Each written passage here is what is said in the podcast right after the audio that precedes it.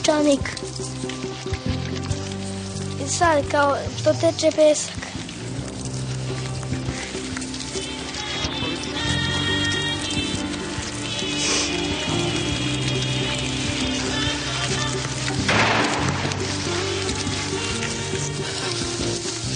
Živet ćemo, radit ćeš ko rob. Ćemo robovi. Nije to hak, to smo mi.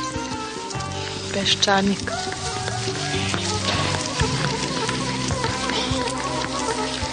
Dobro, koliko ima staža ti pa kad si radio? Ja imam 15 godina radnog staža, počeo sam da radim sa 18 godina. A, ma, nisam se ja naradio, ja hoću i dalje da radim, ali mi ne dozvoljavaju da, ne dozvoljavaju mi da radim. Pazi, mi pričamo o radu, ali nemamo šta da radimo. Ajde da postavimo pitanje šta da radimo. Ja sam šest sati puta do Banja Luke gledala u pod od autobusa. Nisam više mogla da podnesem da gledam srušenu, spaljenu, izrešetanu. Srušenu, spaljenu, izrešetanu. Peščanik. Možda Đinđić to hoće što je. Trči, skači, plivaj. I slušaj primice Bože, on hoće da mi rintamo od jutra do sutra. Je on glup? Ovde je moja zemlja koju da napustim nikad neću. Znači u ovom referendumu, kad smo mi trebali da odlučimo da će dođe Felipe Gonzalez i još dva neka pedera španca, 5 miliona 300 hiljada ljudi je došlo da kaže ko vas jebe. Gde je nestalo tih 5 miliona 300 hiljada ljudi danas?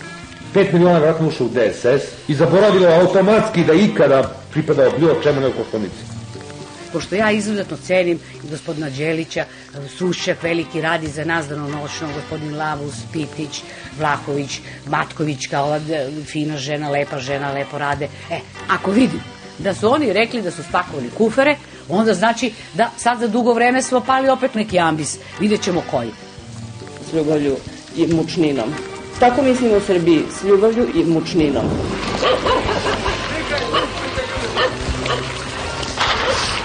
Šta ti braniš? Peščanik.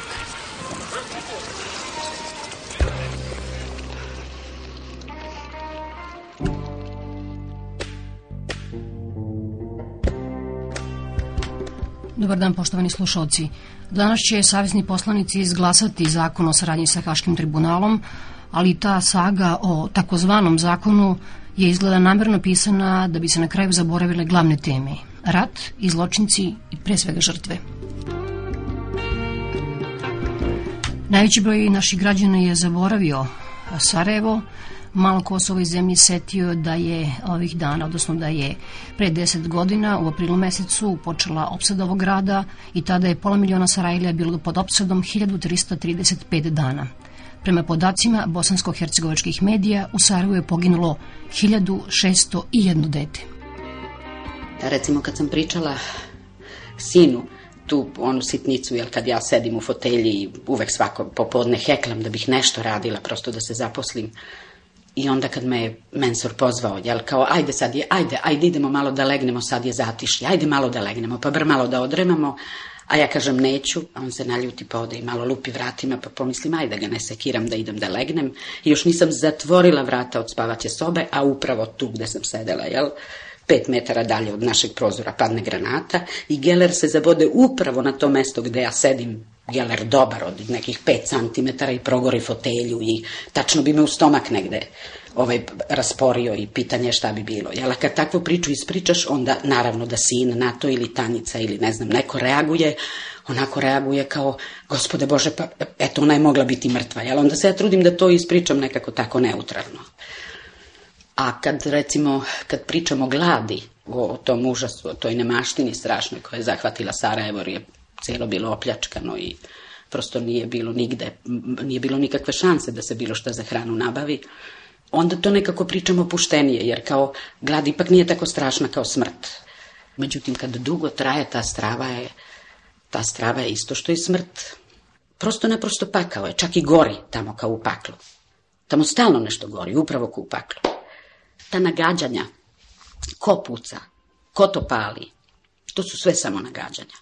Pucaju i pale svi, mada naravno ja moram reći, istini za volju, da me je ta granata pogodila, da bi moglo biti izvesno da, da sam umrla, recimo, što kažu, od srpske ruke.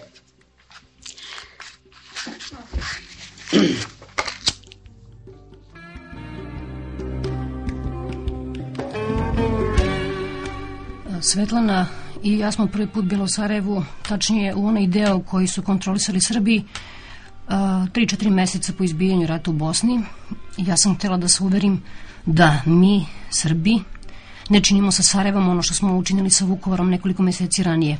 Svetlana je htjela da još jedno vidi rat i spase tetku iz opsednutog grada.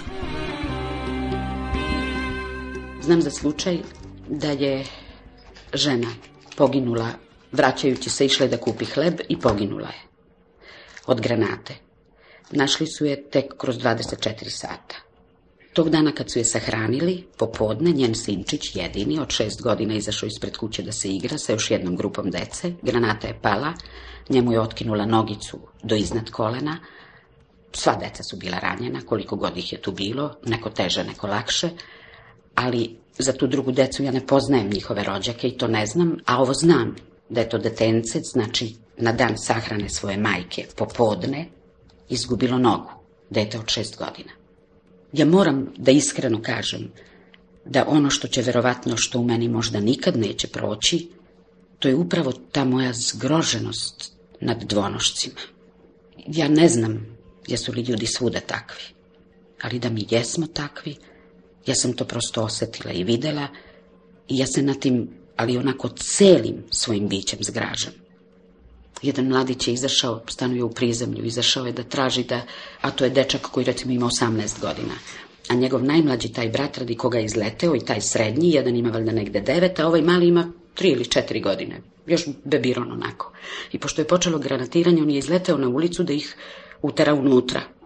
I granata padne i on leži na, ispred zgrade je pala, baš tamo kod ulaza našeg je pala granata, i on leži dole na pločniku ispod stepenica, ruke su mu onako rastavljene kao, kao u krst, noge skupljene za divno čudo, baš kao krst da je formirao. Proleteo mu je geler kroz čelo, izašao tamo negde na teme, ostao je mrtav.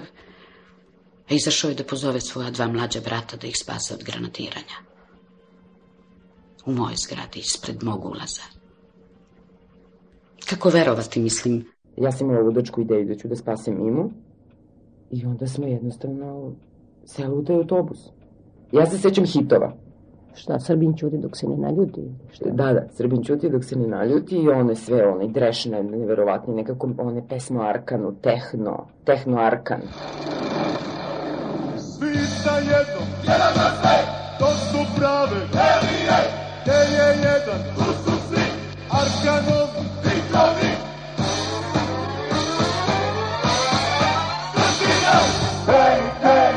tigrovi, srpski dobrovoljci, Arkanove telije, to su hrabri momci.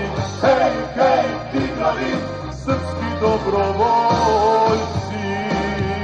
A ti se sećaš ovih vojnika, to ja, ja se toga ne sećam kad sam Pa ne, to su bili uglavnom moji mlađi momci. Sećaš da su im sve vreme do Drine sedeli u krilu devojke i onda na granici su izašli iz autobusa otišli neki obližni šumarak i posle pola sata se vratili u kompletnoj ratnoj opremi. I tek gore na Palama smo stvari saznali da su to Arkanovi, dobrovoljci ili kako se zovu, do bome. Znam da su bili pod punom ratnom opremom i to onako novo sve. A devojke su se vratili kući, ispratile su momke do Drine sam. A tamo su nas čekali ljudi iz Goražda u stvari. Tad je bilo Goražde. To je u stvari neki drugi, treći septembar, 92. Mi još ne bi napustali Goražde, ali nemamo. Oni su nas kružili četiri dana i stiskavali, stiskavali, dok su već počeli da kolju. I sada oni nas govore da smo mi bjegunci. Ko vam govori šta? Evo ovi, evo, došlo, do, dolazi ovi, šta ja znam, general neki, onda dolazi od Koljević, dolazi od ona Pavčić, Svi su dolazi da se vratimo. Znaš da se vratimo kad smo sve izgoreli, hoćemo zavućati glavu u onu, u onu pepeo. I ne daju nam, evo sad oni za Srbiju, ne daju nam ni niđe. Eto, eto srpske, srpske vojske, eto rukovodstva srpskog. Nasramotu im bilo. Ma zaklaćemo i njega i sve ove mater mu jebe mu usta pokvaren. Što je pokvaren tako? Pusti me da idem, bolan čovječe. A ne treba nama ni jelo, ni ništa nam ne treba čovječe. Navodno da je Karačić ustupio njima Gorašta. Sad srpski narod bježi s glavom bez obzira. Ja ne znam po mome, ako se počelo ratovati, trebalo bići do kraja, pa ko izgubi, izgubi, nek se seli. Ko, ko pobjedi, nek živi. Prva rečenica koju smo čuli kad smo se popili na pale u Srnu, da je glavni urednik rekao okupljenim novinarima o Goraždu ništa. On je Todor Dutina. Todor Dutina, da. Mi smo tu u stvari naivno ušli da ih pitamo li imaju mesta za spavanje. Jedan vojnik je čuo našu raspravu s ovima iz Srne da nam nađu spavanje i pošto on polazio na stražu noćnu, on nam je ponudio svoj krevet. I to opet dolazi deo koga se ja ne sjećam. Ti kažeš da u toj sobi su bili Najmanje 20 vojnika koji su spavali se. U celoj Bosni i Hercegovini Srba ima koliko 33-4%, tako? Da drži 60 i nešto posto teritorije. Možda ti kažem kako je to. Zato što smo mi naučili da bude ispred naše kuće ovaj, bašte nešto, to stolić, recimo da se može sjest fino, popiti. A on je naučio kuću na kuću, pa je ono zemlja što ima malo 10 kvadrati i to nekome da proda, da bi bilo ovaj, kuća na naščekano na malo, vrlo malo, malo teritorije. Eto, to ti je tako. Koliko mislite da ćete Ne, još ne dugo bude nositi vojnički uniformu? pobjeđen. Molim? Dok neko ne bude vojnički pobjeđen. Dok ne slomimo Sarajevo. Dok ne slomimo Sarajevo. Kad vidimo Sarajevo, poravna to onda. Da ćete da živite. U srušenom Sarajevu. Mi ćemo ga srušiti, ali mi ćemo opet graditi. A gde, a gde će oni? Ko kurdi onako ne. Znaš, jedan i čoša zbiti. Kada će mi pakete, ne lan pakete. Ako mi slomimo Sarajevo, slomim ti Sanđak, Srbiji neće početi. I zapamti, zapamti da se ovdje nekako to srpsko pravoslavlje brani na našem dijelu, ovaj, brani ovdje, ako, ako se slomi to nekako srpstvo, slom će tamo. Eto, eto vam ovaj, islama navrat garantuje naš dobro. Ja ne znam, Srbija nije, nije da trebala zvoliti nijedno Srbinu tamo iz Bosne da dođe. Trebalo je to sve vraćati.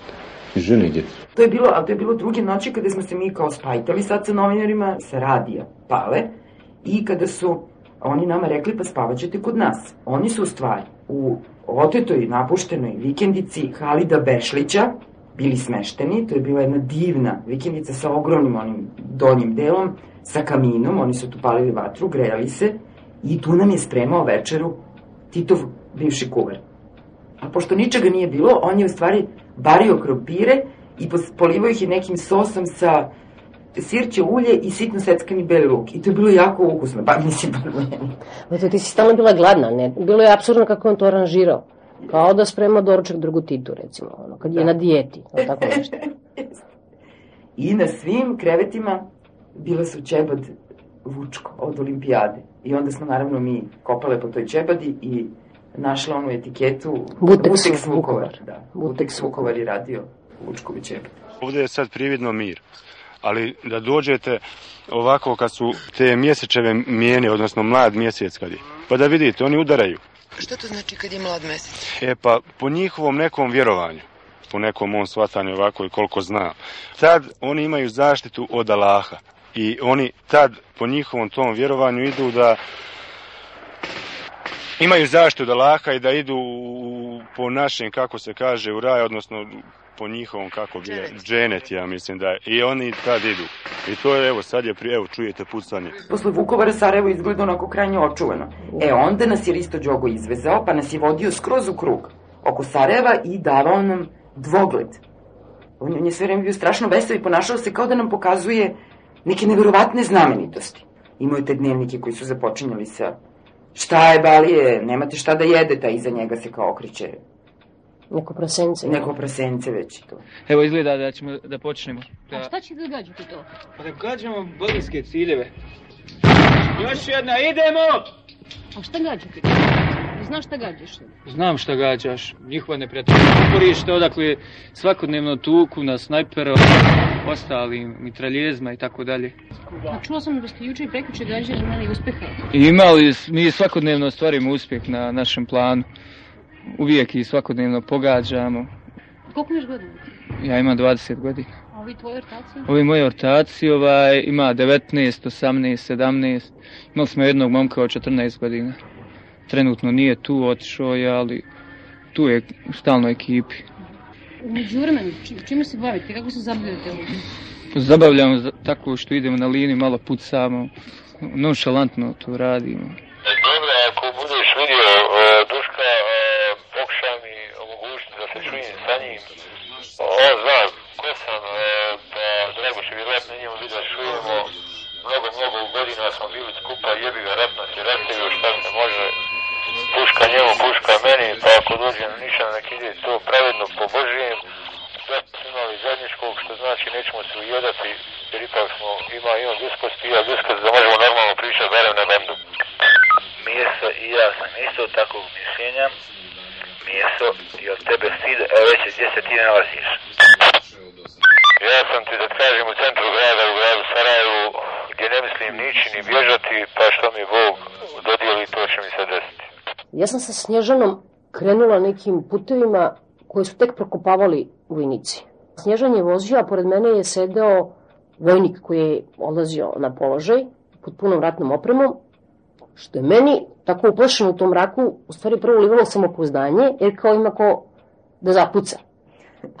Onda kad sam shvatila u tim situacijama kritičnim, kad ne znaš, znaš, najđeš na neki puteljak i sad jedan vodi desno, jedan vodi levo, oba vode u šumarak. I jedan je svakako greška. Ja nisam znala čega treba da se plašim, pa sam onda gledala po njima čega se oni plaše. I videla sam da je to, da je greška kobna, mislim, ako za- zalutaš u neki od tih šumaraka. E onda sam shvatila kako mi je težajući kolo što ima, ovaj, što ima oružje. Da, baš sam ono mislila šta ću sve da izgovorim, nisam ja kriva, ja sam došla iz nekih drugih razloga, ali je on sedao pored mene sa onom, sa onim orlovima belim, srpskim i tako.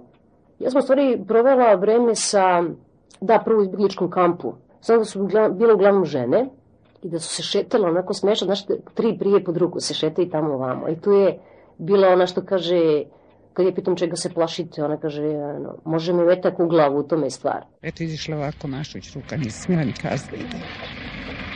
Komšija da znala da sam izišla, ne bi mi dali ni izići. Ništa, jednostavno izišla iz kuće, rekla da idem prati veš kod druge komšice. Muž mi je ostao u kući, još ništa za njega ne znam i tako. Pa on kaže, ajte vi sad, pa onda kasnije ću ja, kaže, pokušat tak mogu da pobjegnem i sad ništa. Ja ne Nisam mogu više da spavam. Strah mi ustanem, sve sjedi. Plašim se, Bogam puca. Bogam tome strah. Još mi dodijela balama ovde. Dosadlo više. Stvarno, već je dva mjeseca.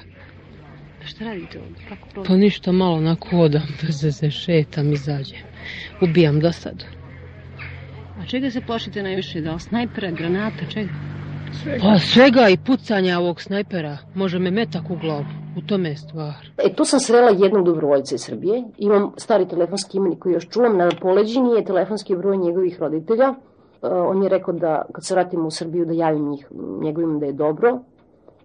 E, sam ja to tebi pričala? Da sam zvala posle nekoliko meseci ili neka godišnjica je bila i da su javili njegovi da je poginuo tamo.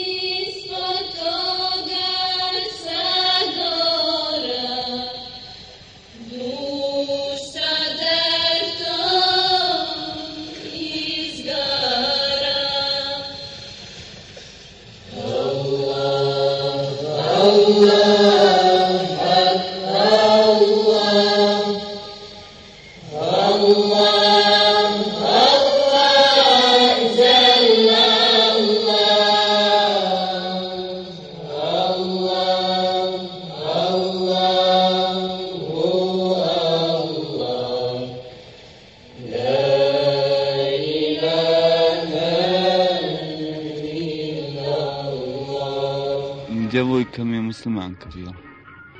Od kako se zaratila nisam se čuo s njom. I mislim da se nikad više neću vidjeti s njom. Mislim da se i ne želim vidjeti s njom i da ovaj i da to neće biti moguće poslije rata. Ne znam, još mnogo poslije neće sam noć moći prolaziti s teritorije u teritoriju. Mislim da, i, da više ima onoga da ne želim da se vidim, jer njen narod je dosta meni toliko nanio bola. Ne znam. Mislim da nije života s njima više. Juče je Kljujić izjavljuje da će slobodna biti na proljeće Bosna.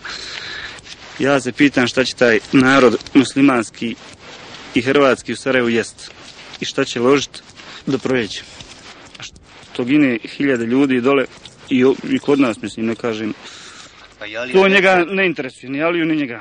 Ali je rekao prije tri mjeseca da će na palama kafu popit, pa nešto, slabo je srku. Kad čujemo ove brojke, to hiljadu i nešto dece, više od 10.000, skoro 15.000 pobijenih ljudi u Sarajevu. Ništa onda mi to nismo videli u stvari. To je prosto bio neki grad u kome su ljudi sede po kućama, a posle Vukovara jeste, pošto je to reper bio, onda ti izgleda pa ko, nije tako strašno. Da. Ja znam, ti si bila vezana za tetku, pa si se brinula. A ja sam pokušavala da nađem neki kontakt sa nekim, međutim, stvarno nisam nešto imala veze sa ljudima iz Sarajeva, prosto ne znam nikoga u Sarajevu, nego to su neki ljudi koji su tamo u velikoj nevolji i jedno vreme me griza savjest, sam probala to da proizvedem kod sebe.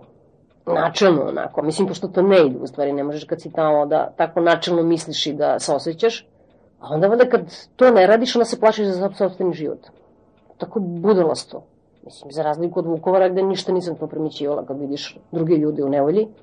I dok smo se probili kroz tu šumu iz Dobrinje ka Palama nazad, pa ovaj mrak bio, bio, je strašan mrak, i kola su se pregrijavala upravo zbog tog tucanika koji smo išli uz brdo.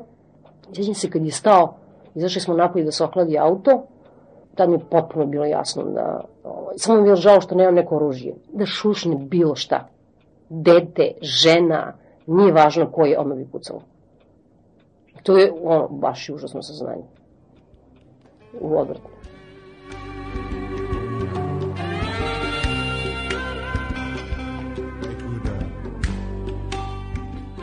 Kada sam prvi put odšla u Bosnu, to je bilo 96. godine, ona je zaista bila potpuno razrušena. Ja sam se vozila prema Banja Luci, prošla sam pored Dervente, to je demontirano. Tu imate utisak da ni mrava više nema. Prosto ničega što živi i što diše. Uterala sam kola direktno u Banja Luku i prosto histerično tražila crkvu. Imala sam neku potrebu da nešto uradim u crkvi, nisam pobožna. I onda sam ušla u crkvu i imala nerešivu dilemu. Dilema je sastala u tome da li ću da upalim sveću za žive ili za mrtve. Drugim rečima, ja sam želela da verujem da su ljudi iz onih demontiranih kuća prvo negde otišli, a onda je neko došao i demontirao kuće. Opljačkao, srušio. I na kraju krajeva, valjda zato što mi je optimizam urođen, ja sam ipak upalila sveću za žive, verujući da možda, makar neko, iz tih kuća još negde šeta Bosnom ili nekim drugom zemljom i pokušava da zaboravi to što se desilo.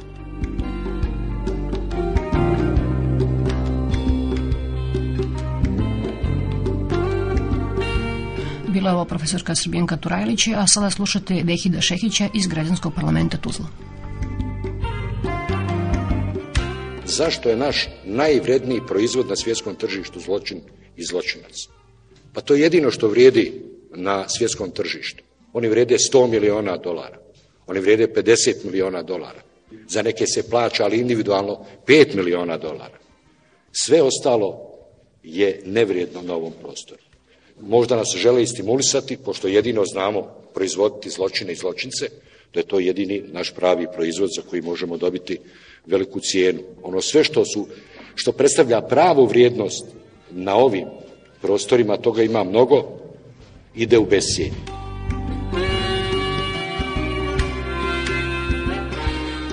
Kažu, popričaj sam sa sobom. Ja osjećam moralnu odgovornost. Zašto se nisam priključio nekim ljudima 89. godine u Idiju? Nisam se priključio. Moje su se lampice upale te 93. godine. Znači, moram osjećati dio te odgovornosti, jer nisam podržao nešto što je možda moglo, možda moglo spriječiti ono što se desilo.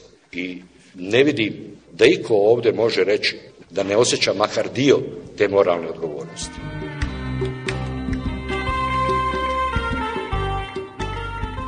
Ne treba se bojati, ja se makar ne bojim to što će me optuživati, sam jugonostalgičar. Jesam.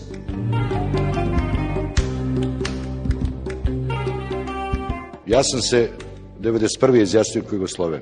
I ako hoće da znate, ako je Jugoslavija živjela na pravi način, živjela u onoj Bosni i Hercegovini, ja ću vas posjetiti na nešto što je prethodilo nekim događajima. Igrali smo utakmicu u Zagrebu protiv Holandije. Čitav stadion je navijao za Holandiju. Sljedeća utakmica se igra u, u Beogradu. Čitav stadion, ne čitav, većina skandira samo Srbija, Srbija i zviždi se svim futbalerima koji nisu odavde. Zadnja utakmica one naše Jugoslavije se igra u Sarajevu. 30.000 gledalaca sa jugoslavenskim zastavama je navijalo za Jugoslaviju. Jugoslavija je jedino živjela u Bosni i Hercegovini u srcu svakog čovjeka.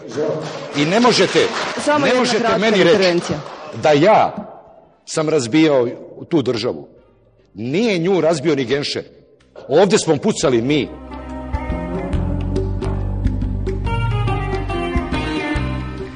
Gospođa Turajlić i Vahid, Vehid Šekić govorili su dakle na a, prošloj nedeljnoj tribini u Reksu, zločin i odgovornost, a povod je bila izložba Krv i med američkog autora Ron Haviva, a uključila se u raspravu i publika, a čućete i odgovor sa Bijanke Turajlić. Zašto je jednosmerna izložba ovde u ovom domu? Je li svako živi ko pročita ove slike i vidi ovo skrnavljenje ljudi, ljudi, spreman da kaže sram vas bilo Srbije. E, dobro jutro. I dok se god tako govno čuti o stradanju Srba, ja imam pravo da kažem da je ovo antisrpska histerija. Batajnica postoji. Tamo zaista postoje leševi. Molim ja vas. to ne umem da vam kažem, ali ti leševi ljudi postoje i možemo mi vikati, ali oni i dalje postoje. Neće nestati.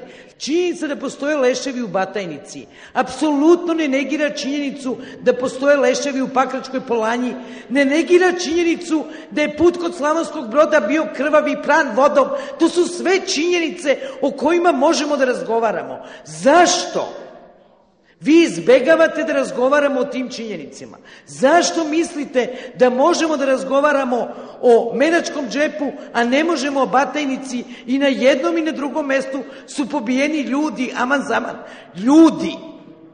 Nisu životinje, nisu mravi, nisu biljke, ljudi su. Ja prosto ne razumem zašto je vama toliko važna nacionalnost ljudi. Inače, jeste, srpski narod je satanizovan i ako nastavimo da se ponašamo na isti način, bit će, nažalost, i dalje satanizovan. Na nama je da prekinemo tu satanizaciju. I konačno, s vama se slažem i u drugoj stvari.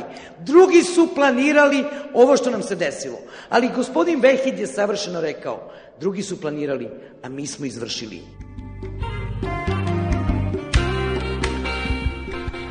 Na ovoj izložbi fotografija mnoge najdrastičnije su upravo snimljene ovde u toku ovih naših ratova, a na tribini koja je usledila govorio je i Bajar Mrđan Bajić.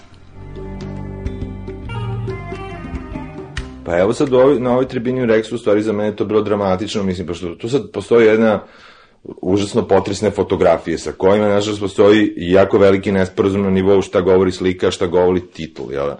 Recimo, u pitanju jedna fotografija na kojoj jedna lepo obučena žena hoda Vukovarom koji je potpuno razrušen. Kada vi to pogledate na nivou fotografije, koje god one vera bila, vi imate milion tragedija i, kako kažem, čak, a s druge strane čak jedno osjećanje, eto, ta žena se sad nešto lepo obukla, bez obzira što je taj grad razrušen i ona će sad nekako nastaviti da živi, pa majko mu se zida će se to, pa nekako će se doći. E sad, kad vi to potpišete, Srpkinja hoda srušeni Vukovarom i implicirate jedno kvazi pobedničko njeno raspoloženje e, i, mislim, mnoge druge vrlo zle podmetanje prosto. I ta, ta izložba u celosti ima tu vrstu podmetačine kroz te titlove.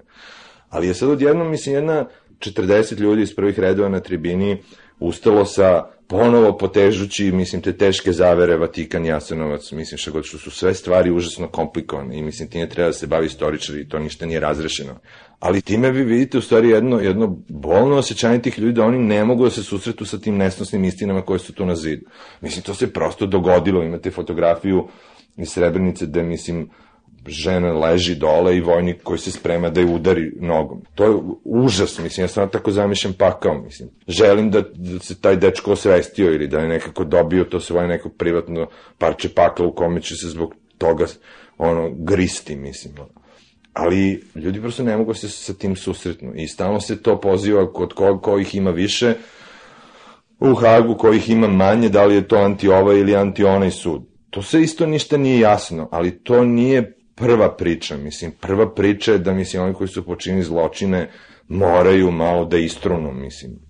Nažalost, tako ih je ovde bilo više. I mislim, jer nas to s druge strane sprečava da se postavi neka druga pitanja, mislim, čim vi imate neraščistenu tu priču i to neko zaklanje, da li će onda ide po jednom paragrafu ili po drugom paragrafu, mi nemate pravo da postavite sledeće pitanje. Izvinite, mislim, država Hrvatsko, šta je sa 400.000 građana koji ste se vi odrekli, šta god oni uradili ili neki od njih šta god su uradili, vi ste se odrekli 400.000 građana o čemu više niko živ ne priča. A vi kako ćete postaviti to, to jedno zvanično pitanje iz države u kojoj još uvek vam treba nekakav, ne znam kakav zakon, da vi jednostavno činjenicu da je neko činio zločine i da na, za to ima dokaze da vi ga imate izručite.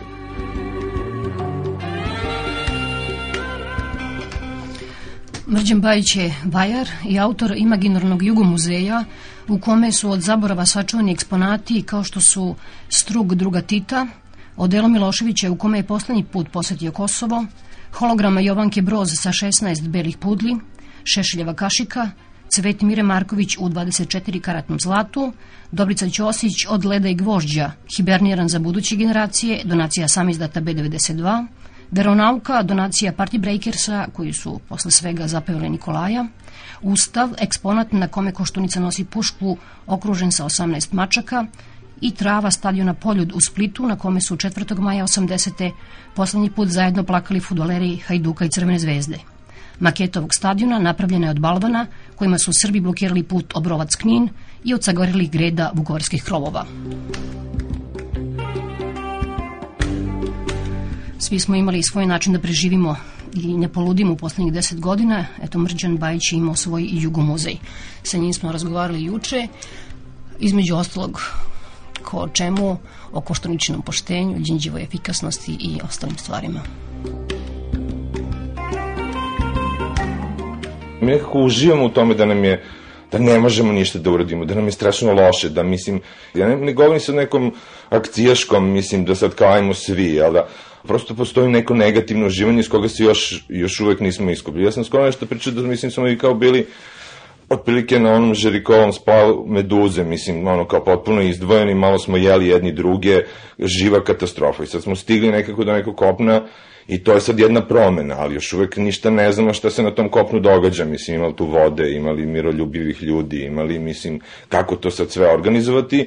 I nekako malo, malo za sad čini mi se tabanamo na plaži. A sa druge strane, mislim, ja verujem da strašno mnogo ljudi se žali što nekako tog 5. oktobra nije to potrajalo još jedno desetak dana, pa malo te revolucionarne pravde, pa onda se kao malo izvinemo, pa nekako nastavimo, ali da se nekako odrade neke stvari. Ovako vi, mislim, znate, čovjek koji spomene, mislim da bi taj Pink eventualno trebalo srušiti, mislim sad doživi neviđenu hajku, mislim, a niko još nije ni prišao da, mislim, nešto tom, sa tog Pinka da odnese, mislim, jedan prekidač. I da kaže, e, to izvini malo zato što si što si do toga došao tako kako si došao. Da ne pričamo o tim katastrofalnim iz, izjavama Jean Rovo kao Velje Ilić. Mislim, taj prikriveni nacionalizam koji je sad postao nije veliko srpski nego veliko šumadijski ili veliko, ne znam, nije kakav kragujevački, opštinski. E sad, mislim opet da ne grešim, mislim, stvarno ipak mislim da ja bar imam svako jutro kad se probudiš, ti imaš jednom, pa kad se prisjetiš kako su izgledala, mislim, ta očana jutra pre 3-4 godine, mislim, mnogo ti je bolje. I mnogo mi je bolje, stvarno. Ali nema nekog sad baš strašnog kretanja napred.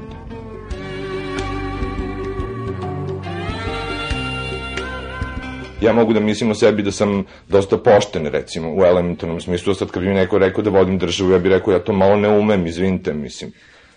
Pa to je nekako opet drugi deo tog poštenja, možda. Kako kažem, odgovornost ovih generacija koji su sada odrasli ljudi nije samo u tome da se prihvati ono što se desilo, nego kako će se istorijska vizura dati onima koji dolaze. To se mora nekako izvariti, ta istorija koja se oko nas, mislim, ono, tako strašno desila. Druga verzija je ono, kao, ajmo šana na sve ide, mislim, svi su sad, ono, stižu generacije zdrave, lepe, mislim, mi sad nekako će se oni s tim izboriti. Verovatno nekako hoće, ali ako imate neke druge zahteve u odnosu na to, mislim, što, kako kažem, šta je nešto što bi bila moral ili etika u životu, onda to ne, malo nije dovoljno.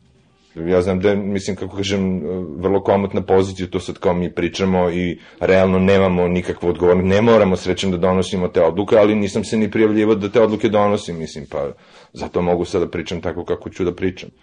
Neke se stvari ipak, mislim, ipak se to sve kreće, mislim, ipak se to sve kreće i za mene najbolji sim, simptom u tom smislu je, mislim, ovo uvođenje poreza, mislim, koji uvod čovek koji apsolutno mi izgleda kao stručnjak i, do, i pravi dobrovoljac, i kome rating raste, zato što nekako ovde se ta priča o prosječnoj tiraniji, da mislim, ono, šaljivo kažem, znači o tome da se neke stvari imaju i moraju raditi, to ljudi nekako razumeju, mislim, inače bi on bio najomrženiji čovek ovde, pošto je on jedini zavuko svima ruku u džep na neki način, a opet njemu rating raste. Mislim, prosto će se nekako oko, oko takvih nekih jezgara, mislim, da će se ovde pronaći, da prosto je mentalitet takav da ne može to sad da ide se razumno nešto ša, saši, nego mora prvo nešto rukavnu nogavicu, pa onda se odjednom nekako vrati na svoje mesto. Ili bar se to sad kao lažno nadam.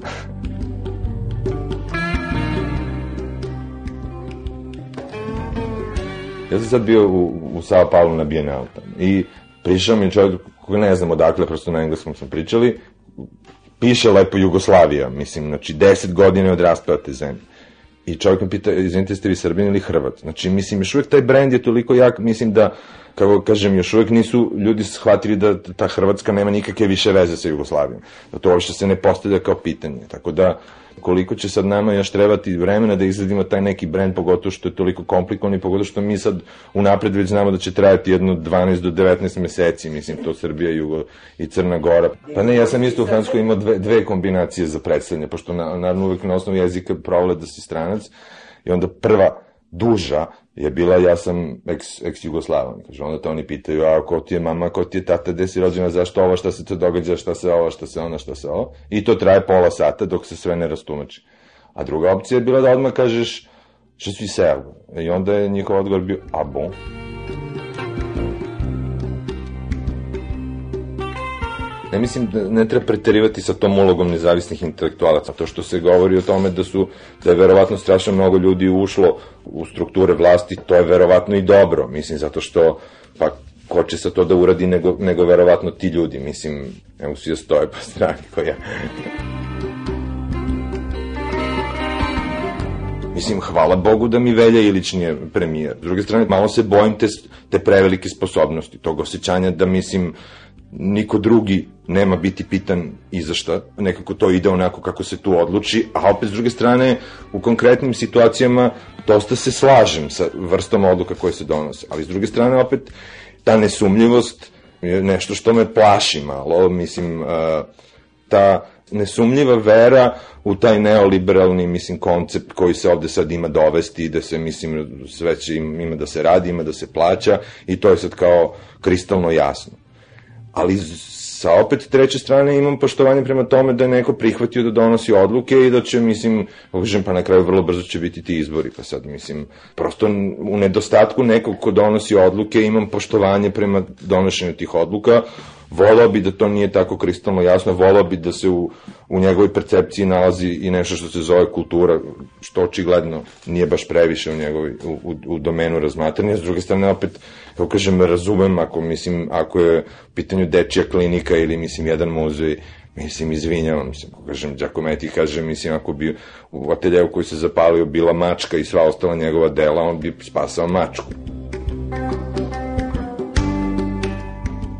Evo sad skidaju ove kioske sa zemljskog keja, Pa ja i tu sad mislim da se, bojim se nekog preterivanja, mislim, pa nije Beograd, mislim da se sad sve to zagladi i da se uredi, mislim, on je lep zato što je vitalan. Mi kad krenemo nešto da previše uređujemo, to onda nekako nije naše, mislim, razumete, ti blokovi na Novom Beogradu ili, mislim, ta, kako kažem, ta prava urbanizacija ovde ne funkcioniše, mislim, ovde mora neko zazida su svoj terasu da napravi golubarnik, da dozida to gore nešto, mislim, ja bi stvarno one dve kućice ostavio kao trajni spomenik, zato što to nekakav nekakav simptom kako se ovde stvari razrešavaju. Mislim, ne razrešavaju se tako što se počne iz početka, mislim, i sve bude u redu kao u Švajcarskoj, prosto zato što ovde ljudi nisu iz nekog meni nepoznatog razloga koga samo mogu da uočim, nisu, nismo švajcarci, mislim. Ali se one razrešavaju na neki drugi način i ja mislim da mi imamo neko uživanje u tome. Mislim, vežemo se pojasem, ali nećemo baš da ga ukačimo dole, nego ćemo samo da ga prebacimo, jer baš sad izlazimo i stvarno je glupo da se, mislim, sad to, mislim, majamo oko tog uključivanja i vađanja pojasa.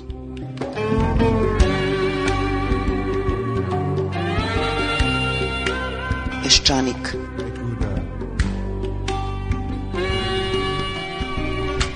Bio je ovo Mrđan Bajić, vajar po profesiji, A sada ćete čuti gospodina Mladena Lazića, on je sociolog i inače profesor na Filonskom fakultetu u Beogradu.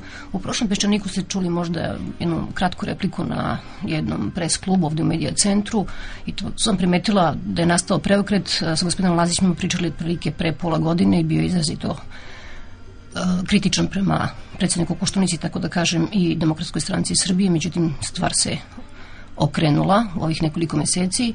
Čućete zbog čega, dakle, Mladen Lazić. Problemi oko donošenja zakona su jedna od manifestacija ili jedna od polja na kojem se te političke elite međusobno obračunavaju, dakle sve postaje problem. Dakle, nema toga što ne može biti problem zato što sve može biti iskorišćeno u, u tom međusobnom obračunu elita. Taj odnos među elitama je nešto što je formirano u Miloševićevo doba, s tim ono što je recimo Vuk Drašković činio, a to je da je smatrao da će biti promene neizbežne onda kada on sam ostane na sceni kao reformska snaga. To sada isto ponavljaju uh, sadašnje delovi DOS-a, jer verujući da kad uklone unutrašnjeg protivnika, da će onda prosto po inerciji uh, promene ubrzano i u pravom smeru se odvijati. Ta je grupa vrlo nejedinstvena unutra i dakle ona u celini nije reformsko krilo. U njoj postoje delovi elite, da tako kažem, koji nisu apsolutno reformski. Ja ne mogu da interpretiram poziciju, recimo, Velje Ilića kao reformsku poziciju. Nije stvar u tome samo da li su reformski orijentisani ili nisu, nego se radi o tome šta rade na, na tom polju reformi. Nema sumnje da jedan deo te grupacije dosta radi, ali ja sam već jednom rekao, to je više ekspertski nego politički deo. Mi smo čuli pre dan, dva od premijera, nešto što je zbilja frapantno. On je rekao, recimo mi smo ostavili univerzitet e, da sam brine o sebi jer nemamo vremena za njega, a oni će to biti u stanju da naprave. To je potpuno besmisleno jer mislim, da ima deo, deo vlade koji je zadužen upravo za univerzitet i on se ne bavi ekonomijom nego baš univerzitetom, prema tome on nije imao šta da čeka, on je imao paralelno da radi zajedno sa drugim ministarstvima ali to je otprilike e, logika koja je u stvari logika centralizovane kontrole. U stvari premijer nije imao vremena da se bavi drugim stvarima, nego se bavio jednim tipom problema, a sve ono čime on nije mogao se bavi, to je stajalo po strani bez obzira na to ko je bio zadužen da te stvari radi. Dakle, to je opet sad, da kažem, druga strana ove, ove heterogenosti unutar tog krila DOS-a, a to je njegova centralistička organizacija i to ultracentralistička organizacija. Dakle, s jedne strane centralizacija, sa druge strane potreba za potpuno uh, neprincipijelni, kako se to govori, kompromisima koje on mora da pravi, odnosno ustupcima koje da, mora da pravi drugima, dakle centralizam, a, a unutra dezorganizacija. Ni jedno ni drugo, naravno, evo, ni centralizam valja, ni de, dezorganizacija valja, centralizam uz dezorganizaciju, to je prilično teško stanje. Ja mislim da je u rastu tenzija između pre svega demokratske stranke i demokratske stranke Srbije se premijeru učinilo da je ovo vrlo zgodan motiv da se na neki način postigne e, odlučujući poen u tom međusobnom nadmetanju, odnosno da se pokaže kako nasuprot toj pragmatičkoj orijentaciji koja će pobediti, pa, pobedio Đinđić na kraju ili ne. Dakle, to da ćemo sarađivati sa Amerikancima, a, to je samo pitanje vremena i potpuno je irelevantno, jer ko će to da postigne. Bolje da se to uradi što pre i što bezbolnije, jel? ali da on, dakle, da će ta orijentacija odneti pobedu i da prema tome on mora da pokaže da sa druge strane stoji nešto što se suprostavlja takvoj orijentaciji, odnosno da je to pozicija predsednika Koštunica. Mislim, ideja je bila očigledno da se na čistinu, što je moguće više izvuku svi, svi protivnički stavovi i da se onda narod suoči sa dilemom vraćanje na, na prethodni model ili podržavanje ipak srpske vlade. I to je, ja mislim da je to jako loše ne zbog posledica koje to može da ima na odnose sa Zapadom pre svega, nego da je jako loše upravo zato što to vodi tom krajnjem zaoštravanju međusobnih sukoba unutar samih vladajućih stranaka, DSS-a i DS-a pre svega, i drugo vodi do stvaranja jedne matrice tih podeljenih elita, odnosno delova elita za koje je najvažnije da porazi protivnika, matrice koja se ist, u isto vreme e, odvija i u Crnoj Gori. I dakle sad mi imamo spoj te dve matrice i oblikovanje javnog mnjenja prema modelu pobedi ili umri, e, a ne pobedi i daj drugima da e, priliku da eventualno drugi put pobede. To je razlika između tih podeljenih i konsenzualnih elita. Kod ove druge postoji samo pobeda ili smrt, kod ovih drugih postoji stalno smenjivanje pobednika.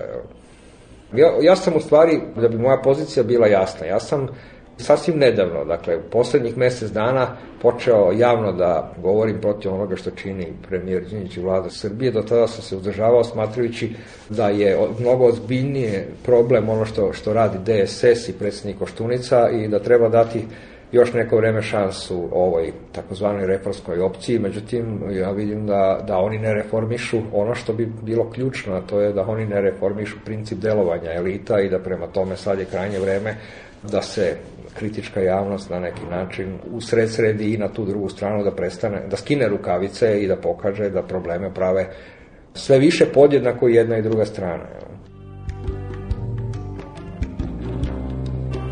Vraćam samo priču o donošenju zakona za saradnju sa Haškim sudom. Kako ocenjujete ponašanje predsednika, odnosno Demokratske stranke Srbije? Evo, to je jedna od, tako da kažem, stvari koje su me prelomile da počnem da govorim kritički, izrazito kritički, pre svega o premijeru. Je.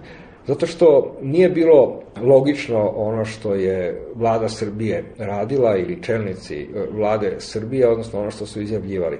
Dakle, tu je jasna, jasan poziv bio i sasvim logičan poziv Demokratske stranke Srbije i predsjednika Koštunice da se donese bilo kakav savezni okvir. Oni uopšte nisu insistirali na tome kako će on da izgleda, ali oni su insistirali na nekoj formi. I ostalo su hteli da prebace na one koji su onako tvrdili da će se baviti izručenjima, sa ili bez zakona.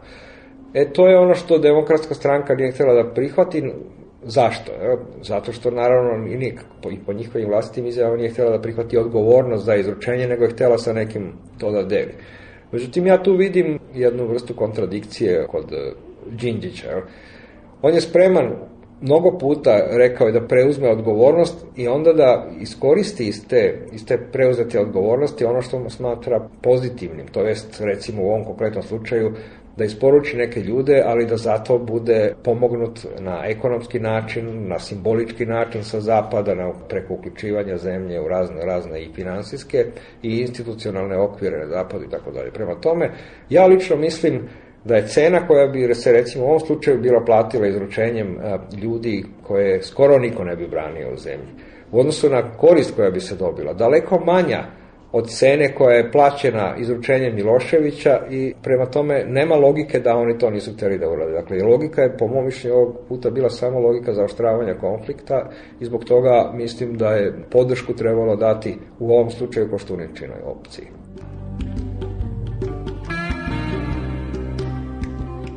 Kad govorimo o predsjedniku Koštunici, odnosno DSS-u, zar nije zapravo činjenica da se nije želela saradnja sa Haškim tribunalom. Mislim, oni prosto neće to ljudi. Ima drugačije gradnije stvar u prethodnih deset godina. Pa to je jedan od naših uh, velikih problema sad sa druge strane. To je taj problem nepostojanja volje bilo gde da se suoči sa zbivanjima poslednjih desetak godina. Dakle, nije ovde reč samo o odsustvu volje da se sarađuje sa Hagom, što je još i najlakše razumljivo s obzirom na to kakav je, kakav je Hag i kako, ne kakav je samo bio na početku, nego kakav se ovih dana pred nama pokazuje. Dakle, to bi bilo razumljivo, ali ono što je problematično to je što nema volje ni u političkoj eliti, a nažalost nema volje ni u stanovništvu, da se zbilja ljudi koji su činili masovne zločine, da se s njima nešto uradi, bilo gde. Dakle, ideja je, ja pretpostavljam, ova kod nekih, kod pragmatičara, jel da ih sad tako nazovem, ideja je ova, ljudi, e, oni znaju da to u stanovništvu e, nije rasprostranjeno raspoloženje, dakle da se kopa po neprijatne prošlosti, pa misle da ne bi to bilo zgodno da oni rade s obzirom da bi im to moglo umanjiti rating među stanovništvom.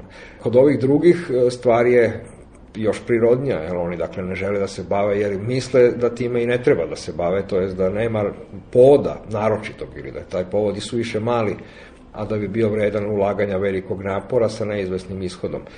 Ja mislim da kada bi se napravio bilo kakav proboj tu, kada bi neki sud negde, neki sudija negde konačno se uh, zainatio i primenio zakon i pokrenuo istragu ili uhaps, odnosno pokrenuo proces protiv nekog uh, od ljudi koji su evidentno pravili ratne zločine, da bi se tu nešto događalo. Toga nema, ja moram da kažem koliko god mi to bilo neprijatno, ali ja moram da kažem da u sve farse koje se u Hrvatskoj događaju, Hrvatska ipak nekome sudi za nešto, i ne jednome, nego sudi na više mesta za stvari koje su se zaista dogodile, pa makar se to završilo i simboličnim presudama, ali ceo niš činjenica isplivava na površinu. U Srbiji za to volje nema, to je vrlo loša situacija za nas e, i mislim opet, to je jedna opet sa stvari koju su do duše nezavisni intelektualci pokušavali sve ovo vreme da pokrenu, ali bez ikakve političke podrške i, i mislim da je to dugoročno to je jedan od e, velikih crnih rupa, da tako kažem, kod nas. Ima jedna stvar koju bih ja sam, jel, bez vašeg pitanja, hteo da pomene, a to je ono što, što mislim da bi trebalo da bude u stvari sada, trenutno prvi predmet govora intelektualaca ovde, a to je odgovornost te e, kritičke inteligencije. Mislim da je jedan od ozbiljnih problema to što je u stvari kritički potencijal inteligencije kod nas može izgledati paradoksalno, ali daleko manje nego što je bio u vreme Miloševićevog režima. Pošto su tada stvari bile relativno jasne.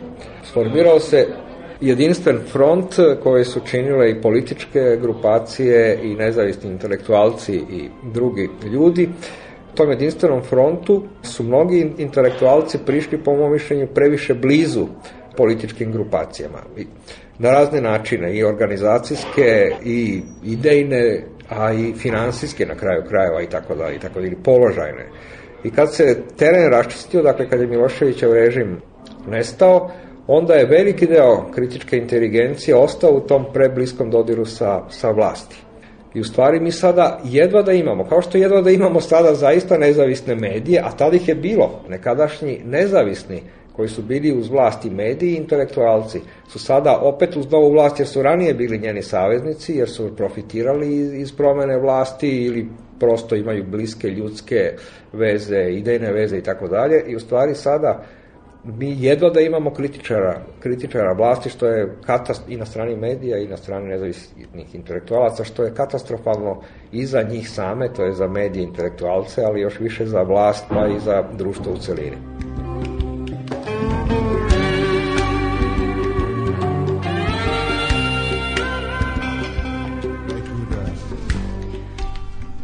U poslednje vreme stižu uznemiravajuće vesti o ljudima koji su tuženi. Da vas podsjetim samo da je Ljubodar Gaspodinovića, vojnog komentatora, u petak u 3 sata ujutru privela policija jer se navodno nije odazvao sudskom pozivu koji mu, kako, kaže, nikada nije ni bio uručen. Tužio ga je zbog klevete generala Domazetović. Podpredsednika vlade Žarka Koraća tužio Mirko Marjanović koji nije bio na poslednjem ročištu jer je u to vreme bio opravdano odsutan zapravo bio u poseti svom šefu, odnosno šefu svoje partije u Hagu. Korać je tužan jer je 9. oktobra 2001. godine zatražio od MUPA da javnosti dostavi rezultate stanja i poslovanja Marjanovićevog progresa. Dalje, Emir Kusturica tuži Biljanu Srbljanović, Dobrica Ćosić tuži list Danas, a Miodrag Popov, ratni izveštač RTS-a, a sada zvezda zabavnog emisija TV Pinka, tužio je Petra Lukovića ovi ljudi, tuži ljudi su u stvari ovi, sve ovo vreme bili ostavljeni a, sami sebi kao da je to njihova privatna stvar i evo možda ste videli Beogradski centar za ljudska prava je izdao jedno saopštenje, a danas u 5 sati će se okupiti predstavnici 30 različitih organizacija koji će pokušati da naprave jedan poseban fond, sada mu je radni naziv Fond za odbranu od ratnih huškača. Da vas podsjetim samo na delovi saopštenja Beogradskog centra za ljudska prava. Naše društvo je na putu da se pomiri sa govorom mržnje i da rehabilituje ratnih huškače, čiji je pisana izgovorena reč, milionski reprodukovana u masovnim medijima, tokom poslednje decenije 20. veka mnoge ljude navela da postanu nevoljni ratnici, pa i svesne i nesvesne ubice i mučitelji. Ona je prouzrokovala smrt, osakaćenje i bolest hiljada nedužnih ljudi i milione konačno odvela u krajnju bedu i beskućništvo. Ratni huškači su druge slali u obračune, a sami su ostali na bezbednoj daljini da bi tekli karijeru i isticali i metak. Govori Bojan Đurić iz Beogradskog centra za ljudska prava. Nekako su se poklopila dva povoda u poslednjih 15 dana. Prvi je tužba gospodina Popova protiv e, Petra Lukovića, a drugo je ono što, sve ono što se dešavalo tokom protekle nedelje kada su u pitanju izjave budućeg potpredsednika vlade Srbije gospodina Velimira Ilića prva upućena E, potpredsedniku Savezne vlade Miroljubu Labusu, a nešto kasnije i odgovor potpredsedniku Republičke vlade Žarku Koraću. Jedna i druga izjava naravno odišu govorom mržnje i prozivanjem koja se tiče nacionalne pripadnosti i nekih drugih, naravno, nedozvoljenih povoda za, za diskriminaciju. Centar je nekako primetio i e, vidimo da, da isti impulsi stižu iz drugih nevladinih organizacija, da su svi oni ljudi koji su pute medija huškali na rat, koji su bili nosioci ratne propagande početkom 90-ih, koji su medije koristili kao govornice mržnje, nakon nekih godinu ili godinu i po dana primirivanja nekako ponovo izbili na javnu scenu i da sve više koriste medijski prostor u Srbiji, da te svoje tvrdnje, opasne tvrdnje ponovo iznose i da ponovo dakle stvaraju tu jednu e, atmosferu javnosti i atmosferu medijima koja odiše netrpeljivošću, diskriminacijom i drugim sličnim pojavama. Postoji i ta tužba Dobrice Ćosića upravo protiv, protiv Danasa, pa to im je nekako, ja bih rekao, komandna odgovornost. Imate na toj strani oca nacije, pa onda dalje izvršioca onako po ešalonima sve do, do gospodina Popova i sličnih koji su dakle bili onako na terenu. Operativci što bi se reklo i koji su imali taj zadatak da, da alarmiraju javnosti i, i, i stvaraju javnosti histeriju protiv, protiv drugih. Ono što izgleda osnovna namera ljudi koji, koji pokreću te postupke je da da deluju, ako može da se kaže, preventivno, odnosno da spreče bilo kakav govor u medijima, kopanje po njihovim biografijama, ako tako može da se kaže, iznošenje u javnost svih onih prljavih stvari koje su oni radili u proteklih desetak godina. Ono što nas posebno plaši je što ni situacija u, pravosuđu u Srbiji nije do kraja raščišćena, ni tu proces ilustracije nije, nije izveden i vi nikad ne znate kada će se pojaviti neki neodgovorni sudija ili neki sudija koji ima drugi, drugi razlog da, da, da možda presudi i protiv medija ili protiv novinara koji prosto pokušavaju da istinu iznesu na videlo. Mislim da će ovaj, da će ovaj fond i cela ova akcija imati tri aspekta. Prvi je, dakle, samo formiranje fonda u, u koji bi se slivala nekakva finansijska sredstva, jer su mnogi od ljudi koji su na udaru tih tužbi i inače u lošoj materijalnoj situaciji, a, a njihova situacija bi će se naravno još više pogoršati ukoliko budu usvojene ovi tužbeni zahtevi koji su astronomski u slučaju gospodina Lukovića čini mi se 80.000 eura. Drugi aspekt je naravno e, pokretanje e, jedne široke e, javne kampanje, medijske kampanje kako bi reakcija javnosti na, na, na govor mržnje bila dakle, što jača. I treće, naravno, pružanje konkretne pravne pomoći. Neke od organizacija će pružiti besplatnu pravnu ili advokatsku pomoć ljudima koji su ugroženi, a koji to možda na drugi način ne mogu, ne mogu da ostvare i da se zaštite od tih neosnovanih napada. U toj medijskoj hajci, medijskim napadima, napadima sve češće učestvuju i, i ljudi iz političkog života, dakle, oni za koje smo mislili da su, da su došli u državne organe na talasu takozvanih demokratskih promena od 5. oktobra, a vidimo da se oni koriste najprimitivnijim rečnikom i najprimitivnijim sredstvima iz Miloševićevog vremena. U samoj političkoj vlasti, naravno situacija jeste komplikovana, znate, kad vi imate budućeg potpredsednika vlade sa kojim postoji nekakav koalicijani sporazum i koji je naravno potreban zbog nekih drugih stvari, teško je javno ga napasti ili diskreditovati, ali zbog toga postoje drugi grane vlasti kakvo je pravosuđe koje naravno ne treba da se vodi nekakvim političkim aršinima i koje bi moralo da reaguje u takvoj situaciji.